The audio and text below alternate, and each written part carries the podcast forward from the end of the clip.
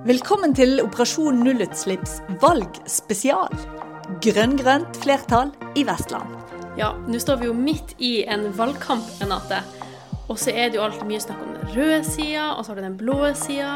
Men Tiril, vi vet at i Vestland fylke har alle politikere en grønn side. Og den skal vi bli kjent med nå. Ja, for i løpet av ni litt korte episoder så får du møte førstekandidatene fra alle de partiene som er i fylkestinget i Vestland. I denne episoden så får vi besøk av Åsta Aarøen, som er førstekandidat til fylkestinget for Venstre.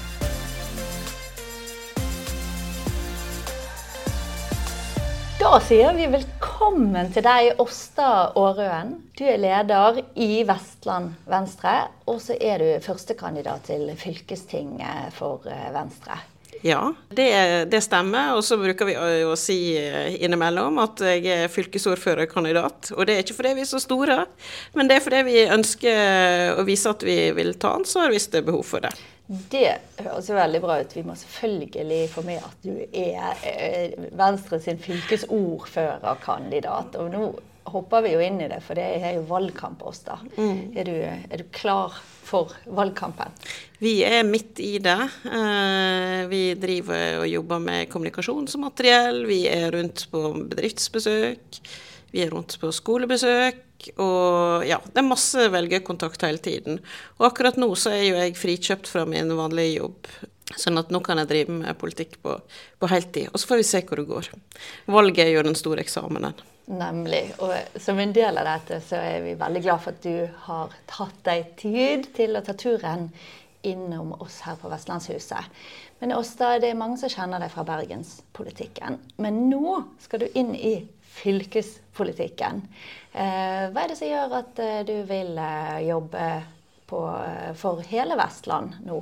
Vestland er jo en spennende region. Og jeg tenker òg for oss som parti som er veldig opptatt av miljø og klima, så er jo det den innsatsen som Vestland fylkeskommune, tidligere Hordaland fylkeskommune, har lagt ned i flere perioder, den jo, står jo respekt av, sant, Vi bruker innkjøpsmakt og, og grønne ferger og noe grønn båttransport. Dette er ting som, gjør at vi har lyst til å, å, fortsette her og på en måte bidra til at dette er noe som kan eh, ja, at suksessen kan fortsette, da, kan du si. Og så er vi jo selvfølgelig et skoleparti òg, så det syns vi òg er veldig gøy. Mm. Ja. Eh, Åsta, vi, vi, må bli litt kjent med deg. Hvis du skal gi, gi oss noen stikkord, hvem er du? ja, eh, jeg er 51 år. Eh, jeg har bodd i Bergen siden 1990. Oppvokst i Stryn, som er jo helt nord i dette nye fylket. Og så har jeg eh, en hyggelig mann som jobber i DNB. Og jeg har tre barn. Du er ekte vestlending, du altså? Jeg er det. Jeg er det, og jeg har jo studert mange år på Universitetet i Bergen. Og, ja. mm. Vi har jo da invitert deg hit fordi at vi har lyst til å bli bedre kjent med de politikerne som faktisk skal styre Vestland fylke de neste fire årene. Og vi har jo store, ambisiøse klimamål i fylket. Men jeg var litt inne på det. Du har erfaring fra bergenspolitikken, og nå er det valgkamp. Og det er både fylkestingsvalg og kommunevalg. Tiril, har du eh, full oversikt over eh, hva som er forskjellen når vi nå eh, skal ha valg?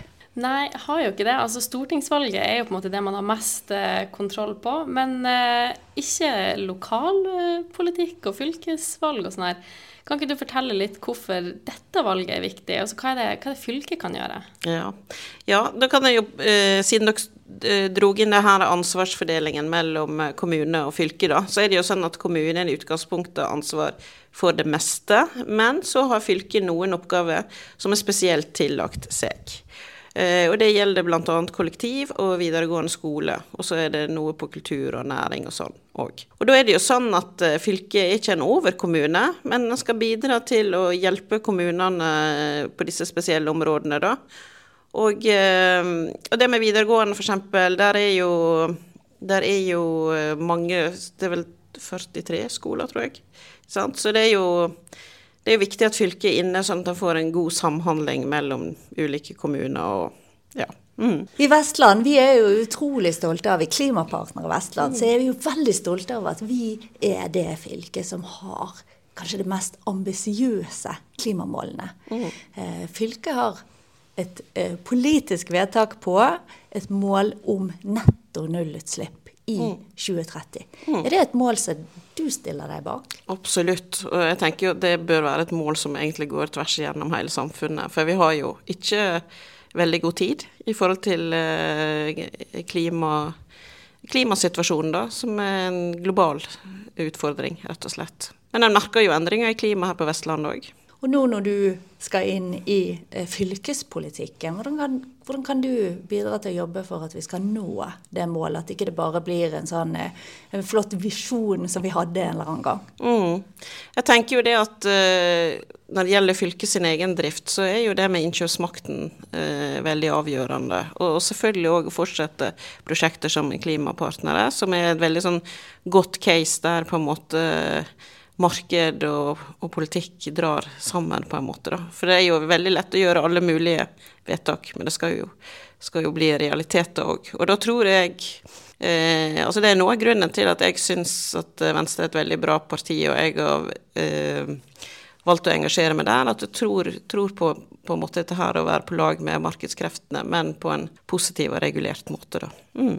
Dette høres ut som gode stikkord for oss i Klimapartnere, og vi er utrolig stolte av de private virksomhetene som vi har inne, som vi ser at uh, gjør vanvittig mye rett og slett på egen hånd for å være pådrivere i klimaarbeidet. Og så er det dette samarbeidet som er helt uh, nødvendig mellom det private og det offentlige.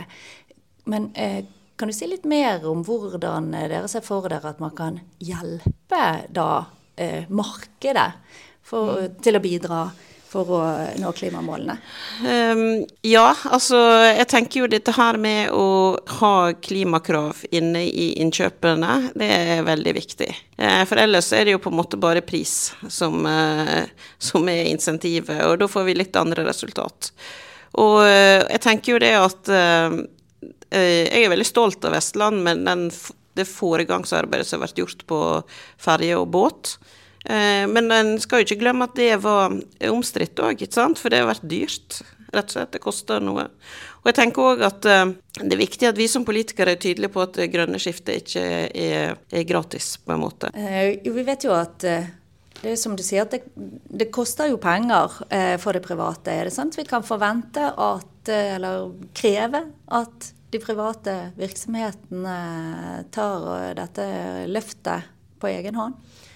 Altså, for, for, en del vil jo det være et konkurransefortrinn òg, Så det der er jo litt sånn finstemt uh, balanse. Men det er klart at uh, hvis markedet er lite, og en ønsker å stille strenge uh, klimakrav, så så blir jo det en høyere pris. ikke sant? Vi må snakke litt mer om denne her ja. innkjøpsmakten, eller som vi liker å kalle det, den grønne innkjøpsmuskelen. Mm. For det, det, høres så tørt ut. Og så er det ja, sånn Ja, det høres tørt ut.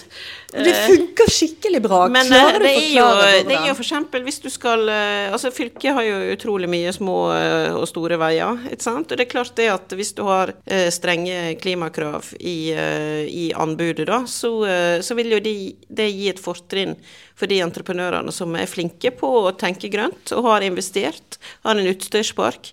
Hvis vi ikke er flinke, så vil vi jo på en måte premiere de som kanskje har en billigere og mer forurensende utstyrspark, og de som har gjort de riktige valgene, da, på en måte med grønt og sånn, de vil bli sittende igjen på utsiden. Og, så vi må tenke langsiktig og forutberegnelig, og på en måte ha den der linjen med grønt hele veien. Og da vil jo òg markedet etter hvert bli større. Mm. Er det noe konkret du tenker at eh, vi må gjøre de neste fire årene i fylket på dette området? Ja, jeg tenker at vi må fortsette eh, med ferje og båt, sånn som vi har gjort. Og så tror jeg at det med vei, altså fylket sin egen veiaktivitet at uh, Jeg vet at det har vært en diskusjon der om markedet stort nok til å tenke grønt nok, på en måte. da, Og der tenker jeg at uh, vi må gå foran på å skape dette markedet og være forutberegnelige. Og en sånn eksempel som en ofte bruker, det, altså det er jo ulike syn på dette med elbil, da, men det er klart at det vi kan si med at f.eks. en nasjonalt har hatt en tydelig elbilpolitikk eh, over tid, det har iallfall gjort at elbilen som bil er tilgjengelig for ganske mange flere enn den hadde vært hvis det bare skulle være noe for spesielt interesserte. For nå sitter det sikkert noen eh, private virksomheter, kanskje entreprenører, og regner på kan vi gjøre disse grønne investeringene. Og gjerne, de har gjerne store ambisjoner selv og ønsker å bidra.